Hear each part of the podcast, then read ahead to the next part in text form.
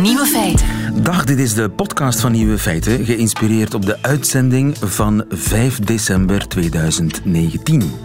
In het nieuws vandaag de poging tot boycott in Engeland van een kerstlied. Alex Dyke, een BBC radio-dj, roept al zijn collega's op om dit jaar één liedje niet te draaien, met name Fairy Tale of New York van de Pogues. Wat zou daar mis mee zijn? Laten we eens even luisteren.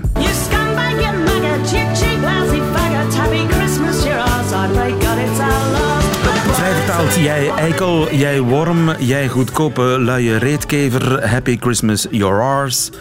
I pray God it's our last. Een eh, anti-kerstlied. Met andere woorden, in de UK nogthans jaar na jaar verkozen tot favoriete kerstlied.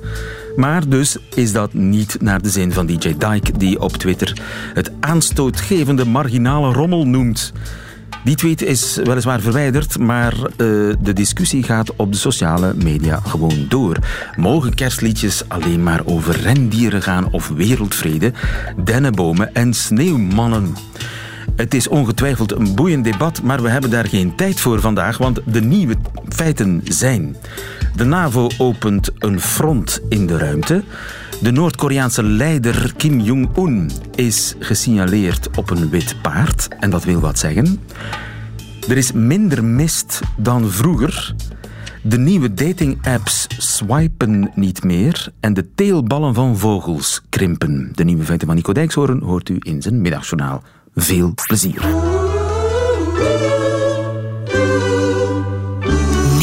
En Sinterklaas is niet de enige die op een witte schimmel is gesignaleerd. Ook Kim Jong-un zit op een wit paard. En dat is geen goed nieuws. Remco Breuker, goedemiddag. Goedemiddag. U bent Korea-kenner van de Universiteit van Leiden. Kim Jong-un die reed deze week op een wit paard naar de top van een berg. Je zou kunnen zeggen, ook een dictator Ja. heeft recht op een hobby. Maar hier is Ja. meer aan de hand, hè? Ja, het, het valt wel samen met, met een groter propaganda-offensief waarin hij laat goed, goed laat zien hoe, hoe, hoe eh, goed hij de, de boel onder controle heeft. En het valt ook samen met ehm, de, de, de, de, eigenlijk de verwachte afkondiging van een nieuw Noord-Koreaans beleid naar Amerika toe. Het Dus is er is wel wat een ritueel, die rit te paard. Ja, dat, zeker. Die berg is heel belangrijk. Pektosan, dat is de berg die wordt echt wordt vereenzelvigd met de, de, de Kim-familie in, in Noord-Korea. Dus een berg, Ehm, heet die. Ja, ja, de vul- vulkaan op, op de grens tussen Een vulkaan. En, Noord-Korea en daar is Ja. geschiedenis rond. Of mythevorming. Ja, ja, al heel lang, al duizenden jaren. En de, de Kim-familie heeft eigenlijk ingepikt. De vader van deze leider, Kim Jong-il, zou daar geboren zijn. Niet waar hoor, hij is in de Sovjet-Unie geboren. Maar goed, dat is wel wat, wat, in, wat je in Noord-Korea leert. En wat is daar nog gebeurd in de familie van Kim Jong-un? Eh, rondom de berg, nou heel veel. Het, eh, ze worden ook de familie met het heilige bloed van eh, deze berg genoemd, de Pektu- het Pektu-bloed. Ehm, er zijn altijd pelgrimages naar die berg toe. Door, door echt elke Noord-Koreaan gaat er wel een keer naartoe, of vaker naartoe, om het geboortehuis van Kim Jong-il te zien. Kim Jong-un heeft net een, een modelstad geopend. Dus het is wel echt een, een belangrijke plek.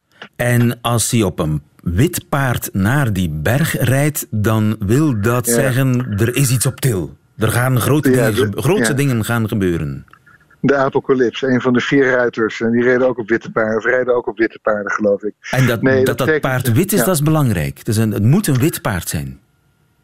Nou ja, dat, het is altijd een wit paard. Of het een wit paard moet zijn. Ik, bedoel, ik kan me niet voorstellen dat als hij op een, een grijs paard had gereden, dat, dat hij dan iets anders zou gaan aankondigen. Maar het is vaak een wit paard, dat, dat klopt wel. Ja. En eh, wat heeft hij in het verleden zoal aangekondigd door op zo'n wit paard naar de, de berg Pektu te rijden? Ja, vaak toch wel. ehm, dit, dit is toch wel vaak de aanloop geweest naar ehm, belangrijke wapentesten, kerntesten of, eh, of, of rakettesten. Ehm, en gezien de, de hele moeizame relatie tussen Noord-Korea en de VS nu. En de- eigenlijk de, de, be- ja, verkapte dreigementen bijna dat eh, Amerika een leuk kerstcadeautje gaat krijgen van Noord-Korea. Ligt toch wel aan de lijn der verwachting dat er iets getest gaat worden binnenkort. Dus er komen nucleaire proeven aan?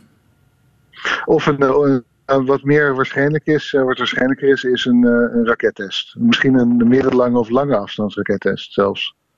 En eh, enig idee waarom? Ja, nee, kijk, eh, Trump eh, heeft natuurlijk de hele tijd als een goede relatie met Noord-Korea. En als bewijs daarvan zegt hij, nou kijk, sinds ik aan de mag men geen kerntesten meer en geen, geen nucleaire testen meer en geen lange afstandsraketten meer getest. Ja, Ehm, dat is voor Noord-Korea natuurlijk wel iets om mee te spelen. Want ehm, op het moment dat zij wel een kerntest of een lange afstandstest, een rakettest zouden uitvoeren. En dat wil je natuurlijk ook voorkomen. Dus dat wordt nu al ingezet, denk ik. Ik denk dat ze beginnen met de middellange afstandsrakettest. En van daaruit eh, kijken of ze Trump eh, tot, tot eh, concessies kunnen, kunnen bewegen. ja want Trump staat zwak in Amerika zelf, maar Ja. natuurlijk dat impeachment dat boven zijn hoofd hangt. Dus zij ruiken Zeker. eigenlijk zwakte bij Ja. de vijand Amerika, bij Donald Trump. Nee, ze ruiken bloed. Ja hoor, ik denk, eh, en zeker ook omdat de relatie tussen Zuid-Korea en eh, Amerika ook heel erg onder spanning staat. Dus Noord-Korea kan werkelijk op alle mogelijke manieren profiteren als het eh, de kaarten goed speelt. Ehm, en dat, en de, de rit op het witte paard naar de berg is daar inderdaad wel een, een soort intro. naar een, intro- nieuw offensief, denk ik. Voor een nieuw offensief poker op hoog niveau, poker te paard. Zelfs Remco Breuker, dankjewel. Goedemiddag. Graag gedaan. Radio 1. Nieuwe De feiten. NAVO opent intussen een nieuw front in de ruimte. We have agreed that space uh, should be a new operational domain for NATO alongside air, uh, land, sea, and uh, cyber. Space is part of our daily life here on Earth. Uh, it can be used for peaceful purposes, but it can also be used uh, aggressively. Prachtig dat Noorse accent van secretaris-generaal Jens Stoltenberg gisteren op de NAVO-top in Londen. We zaten tot nu toe op zee, in de lucht en op internet. Maar we moeten ook naar de ruimte. Jens Fransen, goedemiddag. Goedemiddag. Onze defensiespecialist. De mens voerde tot nog toe oorlog op aarde. Hè? Passende halen is op aarde. Ja, een be- beetje overal op aarde. hè. Eh, Ter zee, ter land, de lucht. Dan op het internet, maar nu ook in de ruimte. Is dat al bezig of gaat dat beginnen? Eh, Dat is al een tijdje bezig in, eh, op de achtergrond natuurlijk. Ja, dat onderzoek loopt eigenlijk al ja, bijna twintig jaar zelfs. Als je kijkt naar die eerste experimenten. Voor alle duidelijkheid moeten we eh, bang zijn dat er volgende week, volgend jaar, volgende maand een oorlog uitbreekt in, eh, in de ruimte. Nee, dat niet. Maar het wordt natuurlijk steeds belangrijker. Maar hoe gaat dat? Schieten in de ruimte? Wat schiet op Ehm, wat? Wel, het heeft te maken natuurlijk met, eh, als je kijkt naar hoe we leven vandaag de dag, heel veel dingen, ook het militair, maar ook wat wij hier nu doen, heeft te maken met alles wat zich daarboven in het heelal afspeelt. Dan moet je denken aan satellieten natuurlijk. Ehm, als je kijkt naar hedendaagse manier van leven, maar ook van oorlogsvoeren, heeft alles te maken met geconnecteerd zijn, met het verzenden, versturen van data, van weten wat die andere kant doet. En daarvoor is die satelliettechnologie heel erg belangrijk. Je mag ervan uitgaan, mocht je vandaag een oorlog gaan uitvoeren, is het eerste wat je wil doen natuurlijk ja, dat satellietnetwerk van die andere partij, zij het Rusland, zij het China, wil je dat gaan storen. Omgekeerd wil men dat ook doen. En dan moet je in de eerste plaats die netwerken in kaart brengen, gaan beveiligen en kijken dat je ook eventueel het netwerk van de ander kan gaan uitschakelen. Ja, want als je geen satelliet meer hebt, dan kun je niet meer communiceren, kun je niet Ja. meer navigeren, Nee, dan kun je nee. eigenlijk niks meer. Nee, dat is heel erg belangrijk. Hè? Want die communicatie, die navigatie heb je niet alleen nodig voor een tank het, het slagveld op te sturen, maar heb je ook nodig om een raket eh, juist naar zijn doel te laten gaan. Maar heb je ook nodig om bijvoorbeeld onbemande vaartuigen, onbemande voertuigen, onbemande vliegtuigen, die drones, allemaal aan te sturen. Dus dat is echt een cruciale strategische capaciteit geworden in een moderne oorlogsvoering. Maar moeten we dan onze satellieten uitrusten met een kanon? Ja en nee. Eh, er zijn satellieten eh, die, die wellicht al uitgerust zijn met een kanon. Er is er eentje al in 1987 de lucht ingestuurd door Rusland met een carbondioxine-laser, waarbij je dan een andere in, in de nabuurt zijnde ehm, ehm, satelliet zou kunnen Met laserstralen, echt Star Wars. Echt Star Wars. Maar bijvoorbeeld Frankrijk heeft deze zomer nog gezegd, kijk, wij gaan onze eigen Franse satellieten gaan beveiligen tegen dat soort systemen. En we gaan nu, eh, satellieten vandaag de dag zijn veel kleiner. Vroeger waren die zo groot als een kleine auto. Dan hebben we een tussenperiode gehad, hè. satellieten zo groot als een wasmachine. Vandaag heb je satellietjes de grootte van een schoendoos. En Frankrijk gaat bijvoorbeeld van die schoendoos-satellieten ontwikkelen, die ze rond hun eigen hè, grotere satellieten gaan hangen, om die te gaan beveiligen. Een tweede fase kan zijn dat je ook zelf satellieten de lucht inschiet, waar dan bijvoorbeeld ja, een soort, eh, een, een, een soort ja, microwave-toestelletje aanhangt, zodanig dat je de satelliet van een ander land zou kunnen gaan bakken. Hè? Dat je daar eh, alle elektrische apparatuur gaat wegbakken, zodanig dat die andere satelliet van een ander land niet meer werkbaar is. Dus het gaat in alle richtingen uit. Hè. Het is verdedigen, maar natuurlijk, ja, zoals het gezegde onder militairen altijd is, als je je wil voorbereiden, eh, als je vrede wil, eh, bereid je dan voor op oorlog. Ja. Het leuke, als ik dat woord mag gebruiken, aan dit verhaal is, er vloeit geen bloed. Ja, er vloeit oorlog inderdaad zonder geen bloed. bloed. hè, maar dat is natuurlijk ook een beetje het gevaar, want die high-tech oorlog lijkt altijd bloedeloos te zijn, maar uiteindelijk zal het dat nooit zijn. Hè, want in eerste fase zal wellicht hoog in de lucht zijn, maar als je dan echt over een gewapend conflict gaat eh, spreken, ja, uiteindelijk kom je natuurlijk ook wel met oorlog, want oorlog wordt hier gevoerd, hè, gaat over land. Maar hè, kun je over- bommen droppen vanuit de ruimte? Nee, toch? Ehm, ja en nee. Ook dat doen we al een tijdje. In die zin, eh, als je bijvoorbeeld inter, intercontinentale raketten de lucht gaat insturen. Vroeger had je de klassieke kernraketten hè, die heel hoog uit de lucht ingaan. Daarvoor worden ook afweermechanismen gezocht waarbij die in... Dat is afweer. Dus dat is het ja. raketschild. Maar, maar er was ook zoiets als speed. Ja, dacht ik. absoluut. Absoluut. dat? Op dit ogenblik wordt heel vaak gesproken, bijvoorbeeld ook bij de aankoop van gevechtsvliegtuigen, over stealth. Hè, het min of meer onmoeilijk te detecteerbaar zijn voor radars. Bijvoorbeeld die F-35, dat gevechtstoestel wat ons land gaat kopen, die heeft een aantal stealth-capaciteiten. Dat is goed, maar eigenlijk militaire planners en de high-tech praten over een nieuw concept. Speed, snelheid, is de new stealth. Want men weet, iedereen is aan het ontwikkelen. De Russen weten, ja oké, de NAVO heeft van, van die eh, hoogtechnologische vliegtuigen die moeilijk te detecteren zijn. We gaan dus extra radars beginnen ontwikkelen die die toch kunnen detecteren. En dan moet je natuurlijk weer met iets nieuws uit je binnenzak kunnen toveren. En dat is eigenlijk gewoon snelheid. Je gaat wapens ontwikkelen, je gaat raketten ontwikkelen die zo snel zijn, denk Mach 5, hè, sneller dan 5000 km per uur, die zo snel zijn dat de afweerraketten niet snel genoeg meer zijn om hen te raken. Rusland is daar volop Hoe mee maak je bezig. ze zo snel? Door die heel hoog de lucht in te schieten, eh, dan zit je met een combinatie van twee soorten motoren, maar dat is te technisch. Je gaat die heel hoog bijna, hè, dus in, in, de, in, in de ruimte, In de ruimte gaan brengen. schieten. En dan gaan die met een waanzinnige snelheid naar beneden. En Als, als een soort meteoriet eigenlijk. als een soort meteoriet, maar dan wel eentje die je kan sturen. Waardoor het traject zeer onvoorspelbaar wordt, zeer snel. En waardoor je eigenlijk door die, ja, die lagen van verdediging kan gaan heen dringen. Dus je dropt eigenlijk als het ware een bom vanuit de ruimte. Ja, de snelheid is zo groot dat je eigenlijk geen bom nodig hebt. Het, de- de- de- Gewoon- de- er moeten geen explosieven in zitten als je maar voldoende massa hebt die aan een ongelooflijke snelheid naar beneden raast en je kan het nog een beetje sturen. Als dat neerkomt op, ik zeg maar iets, het Witte Huis of een bunker, ja, dan kan je het ding wel wegblazen. Ja, tot zover het bloedeloze oorlogsvoeren in de ruimte. Oorlog in de toekomst zal die zich gedeeltelijk of misschien zelfs volledig in de ruimte afspelen. Dankjewel Jens Fransen. Graag gedaan. Radio 1. Lieven van den Houten. Hippe mensen die swipen zich tegenwoordig een date via Tinder, maar niet lang meer, want de nieuwe generatie dating-apps die komt eraan en swipen is er niet meer bij. Dag Babette. Hallo. Babette van onze redactie, eh, ik moet het nog leren hoor. Die is, eh, ik heb nooit geswipe date. Je Eh, mist ook niks. Maar hoe werkt het? Dus je ziet iemand, je vindt die leuk en je swipe die Je naar... swipe die naar rechts als je die leuk vindt, naar links als je die niet leuk vindt en dan kan je weer verder. Dat is een prima systeem toch? Wat is daar mis mee? Eigenlijk is het, het is niet zo leuk ehm, als je het echt serieus meent, zal ik zeggen. Als je echt op zoek bent naar echte liefde, zoals heel veel mensen op van die dating-apps, dan is het wel eens moeilijk, omdat ja, het is één grote snoepwinkel natuurlijk. Hè. Je, je weet, achter elke foto zit er iemand anders die misschien nog knapper is of, of nog leuker eruit ziet. Dus heel veel mensen zijn heel kieskeurig en daardoor moet je dus, wordt het een soort van opbod van eh, portretten. Eh, dus je zit in de stress als je zo één profielfoto moet kiezen. Je moet al de juiste filter uit, nemen, ja. de juiste hoek, de juiste kleurencombinaties. Het is een heel gedoe. Ja, en omgekeerd, voor- als je dat dan in werkelijkheid ziet, Ja. al, dat, al dat gepimpte moois, dan, weet je nog niet wat erachter zit natuurlijk. Ehm, ik moet zeggen, ik heb het in het verleden ook een paar keer gedaan en het is nooit zo goed als op de foto. Dat, eh, dat is wel een, Ja, dat een, constante. ondervonden. Ja, Empirisch onderzoek wijst uit dat de werkelijkheid toch iets minder mooi is.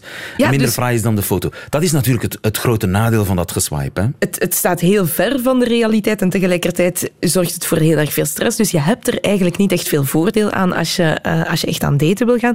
En daar hebben ze nu een oplossing eh, voor bedacht.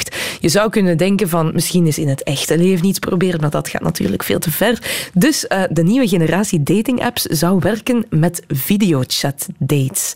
Wat dus wil zeggen dat je ehm, allemaal afspreekt op zondagavond om 9 uur. Dan ga je online en je hebt op voorhand al een profieltje ingevuld met ik ben eh, Lieve van den Hout en ik ben op zoek naar dat en dat. Dit zijn mijn hobby's. Ehm, en je zorgt dat je er deftig uitziet, maar niet meer dan dat. En om 9 uur stipt stelt die app jou op zondagavond drie mensen voor van wie de app denkt dat is iets voor jou, lieven.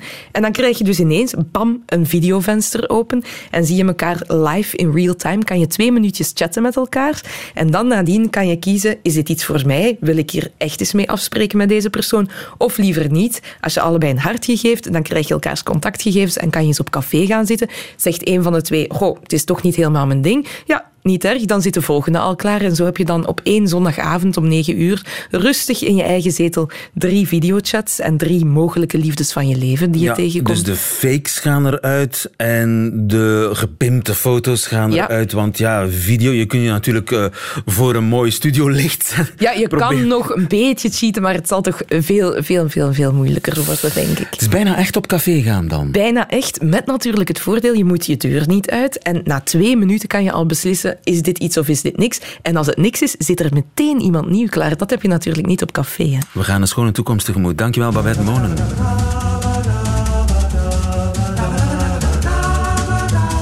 Nieuwe feiten. Biologen staan voor een raadsel, want de teelballen van vogels krimpen. Dirk Drouwlands, goedemiddag. Goedemiddag, lieven. Je bent onze huisbioloog. Collega's van jou in Groot-Brittannië die hebben de evolutie bekeken van testicles van gewervelde dieren van de voorbije 400 miljoen jaar. Wat blijkt daaruit? Daar blijkt uit dat er eh, veel variatie in het verhaal zit. Dat er eh, een, trend is naar groter wordende teelballen in zo'n eh, specifieke familie. Maar wat dat zeer bizar is, hebben ze vastgesteld dat in de vogelwereld er een aantal wegen terug zijn ingeslagen. Dus dat sommige, sommige vogelfamilies dus stilletjes aan terug kleinere teelballen krijgen. En men heeft dat onderzocht en men heeft dat proberen te linken aan kenmerken van die speciale families. En dan blijkt dat er dus zo'n klassieke trade-off in het spel is. Hè. Dus een, eh, een variatie van investeren meer in dit en minder in dat. Dus blijkt dat vogels die investeren in kleurrijke pluimen als mannetje dan om op te vallen, of in uitbundig gedans om op te vallen, dat die dus eh, kleinere teelballen gaan krijgen, mogelijk als compensatie. Ook vogels met heel veel ouderzorg, zoals de pinguïns, die doen dat. Kraaien en raven, die zijn dan heel slim. Dus, dan, dan, daar gaat dan veel energie naar de hersenen waarschijnlijk, dus ook minder in de teelballen. Dus eh, blijkbaar zit daar zo'n limiet op de energie die je in die teelballen kunt steken. En als je veel energie nodig hebt voor andere kenmerken, wordt er dus wat weggehaald van die, eh, van die teelballen. Ja, als je een mooi verenkleed hebt, sexy kunt dansen en zingen, is het eh, goedkoper dan om joekels van ballen te kweken. Dat kost veel energie. En eh, waarom zou je dat doen als je sexy kunt zijn op een andere manier? Nu, voor mij is het een verrassing dat vogels ballen hebben, Dirk. De meeste, alle gewervelde dieren hebben dat. De, de mannen moeten ergens een zaad produceren eh, in, in, in heel de dierenwereld. Dus eh, vogels hebben dat ook. En eh, het is hier dus de, de link is ook dat de, het eh, inleveren op de teelbalafmetingen vooral uitsluitend voorkomt bij vogels die sociaal monogaam zijn. Gelijk onze mezen bijvoorbeeld en onze mussen die als koppeltje echt voor de jongen zorgen. Terwijl als het in een polygame context is, dan, eh, dan, eh, ja, dan hebben de mannen er belang bij van zoveel mogelijk zaad te produceren om dan toch degene te zijn die bevrucht als mevrouw met meerdere mannen kan, kan paren. Ja, ja dus om, om, eh, minder monogaam je bent, hoe groter je ballen. Ja, ja. Daar komt het eigenlijk op neer. Overigens, die ballen, zit dat niet in de weg bij het vliegen en bij het landen? Wat er, is, er- is even gedacht dat er eventueel een probleem zou kunnen zijn. Ze zitten natuurlijk voor een deel inwendig, maar dan heeft men naar vleermuizen gekeken die ook vliegen en moeten landen. Enfin, landen op een, eh, die gaan dan hangen hè, in, de, ve- in de meeste gevallen. En daar vinden ze dat dus niet. Dus het vliegen als dusdanig is een factor die men uitgesloten heeft van de evolutie van die, eh, van die eh, teelballen. En zit die piemel bij Hebben ze een piemel?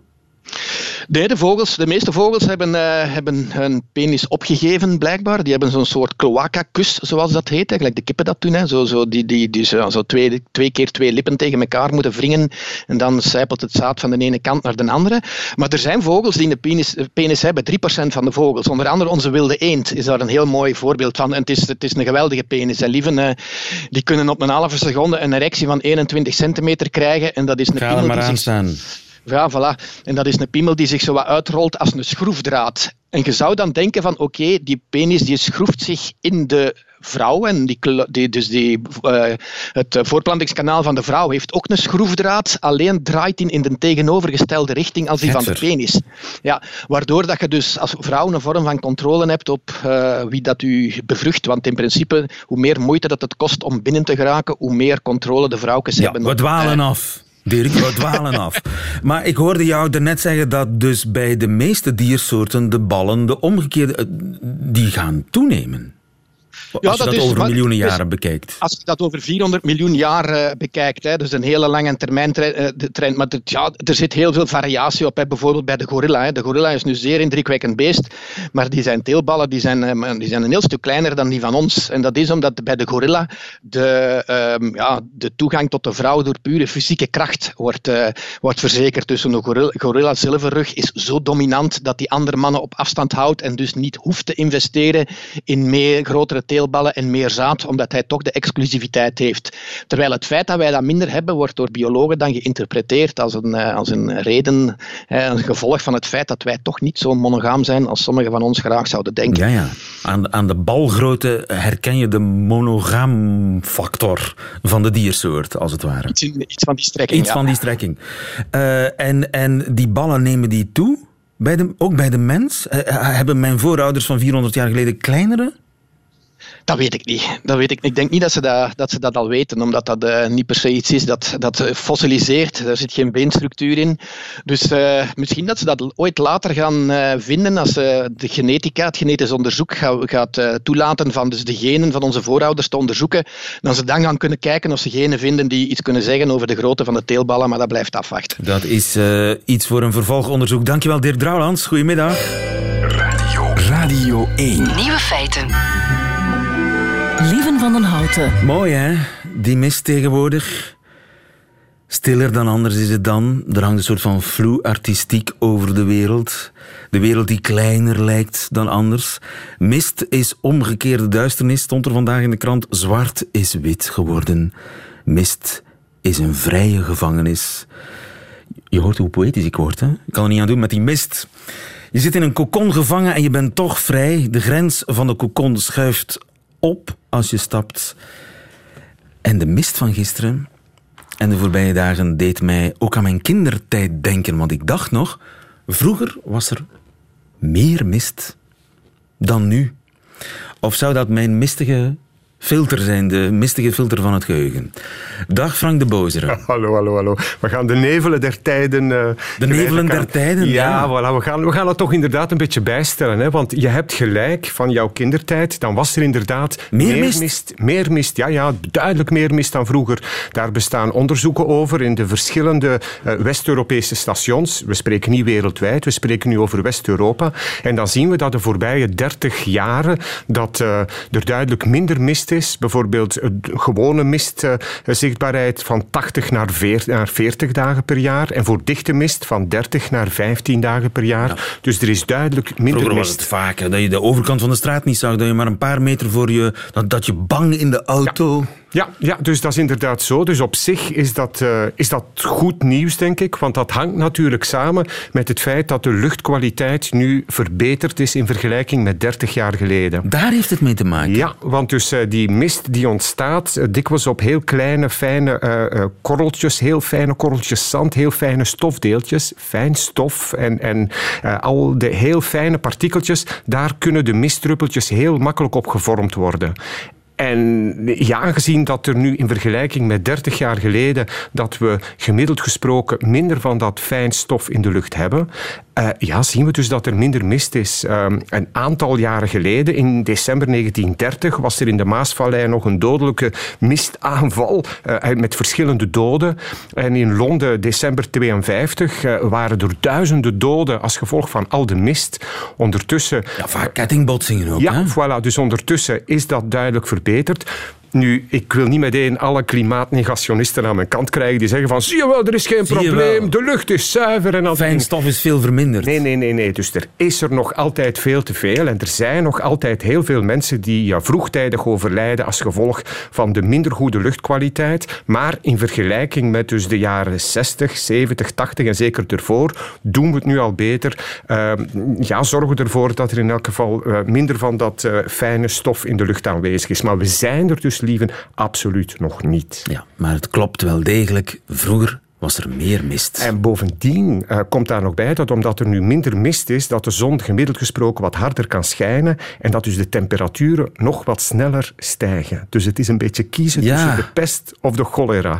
Je kan meer mist hebben, dan wordt het minder warm, maar ja, bon, dan is het dus adembenemend. En dat is wat ze nu bijvoorbeeld in delen van China meemaken, waar je inderdaad heel veel van die bruine erwtensoep krijgt dat je niet wil meemaken.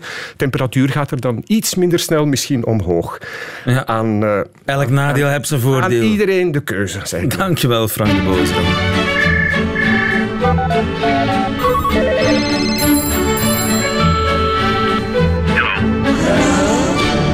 Feiten. Dat waren ze, de nieuwe feiten van 5 december 2019. Alleen nog die van Nico Dijkshoorn krijgt u in zijn middagjournaal. Nieuwe feiten. Middagjournaal. Beste luisteraars, ik ben bijna altijd thuis. Ik schrijf mijn teksten in de keuken aan een keukentafel. Sommige schrijvers die huren voor heel veel geld een werkruimte met veel ramen, zodat de mensen in de stad kunnen zien dat ze een kunstwerk maken. Daar zeggen de mensen dingen als: Kijk, daar zit Zweep Dukels, de schrijver. Hij werkt aan een nieuwe roman. Zijn vorige boek, daar zijn er maar 43 van verkocht. Ik schrijf liever thuis, omdat het anders voelt alsof ik naar mijn werk moet. Dat deed ik 25 jaar lang in een bibliotheek, dus thuiswerken, dat is voor mij een enorme belevenis. Het nadeel is dat ik voor de hele straat postpakketten moet aannemen. De pakketbezorgers weten inmiddels dat ik altijd thuis ben. Met sommige van hun heb ik een hechte band.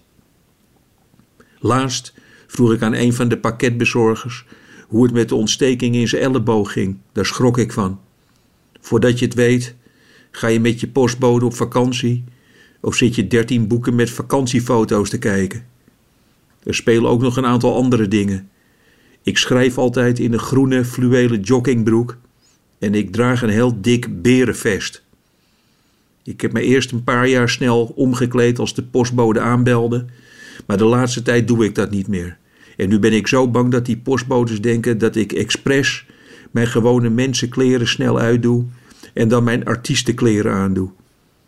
Ik ben bang dat ze s'avonds thuis tegen hun partner zeggen: Nico Dijksoren deed weer open met een vogelnest in zijn haar en een halve kilo zout in zijn ooghoeken. Meneer het schrijvertje. Wat wel heel prettig is, ik zie mijn buren regelmatig. En dat heeft iets gezelligs. Ze komen hun pakket bij mij ophalen. En dan doe ik heel aardig.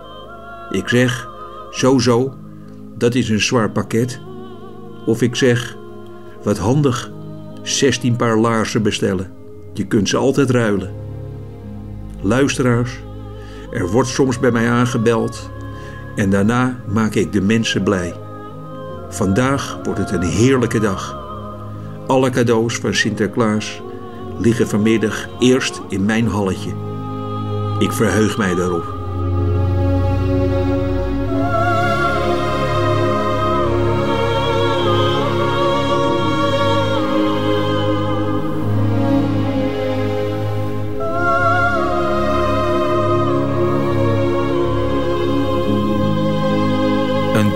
Tevreden snorrende Nico Dijkshoorn in het middagjournaal. Meteen het einde van deze podcast. Hoort u liever de volledige uitzending? Dat kan natuurlijk ook.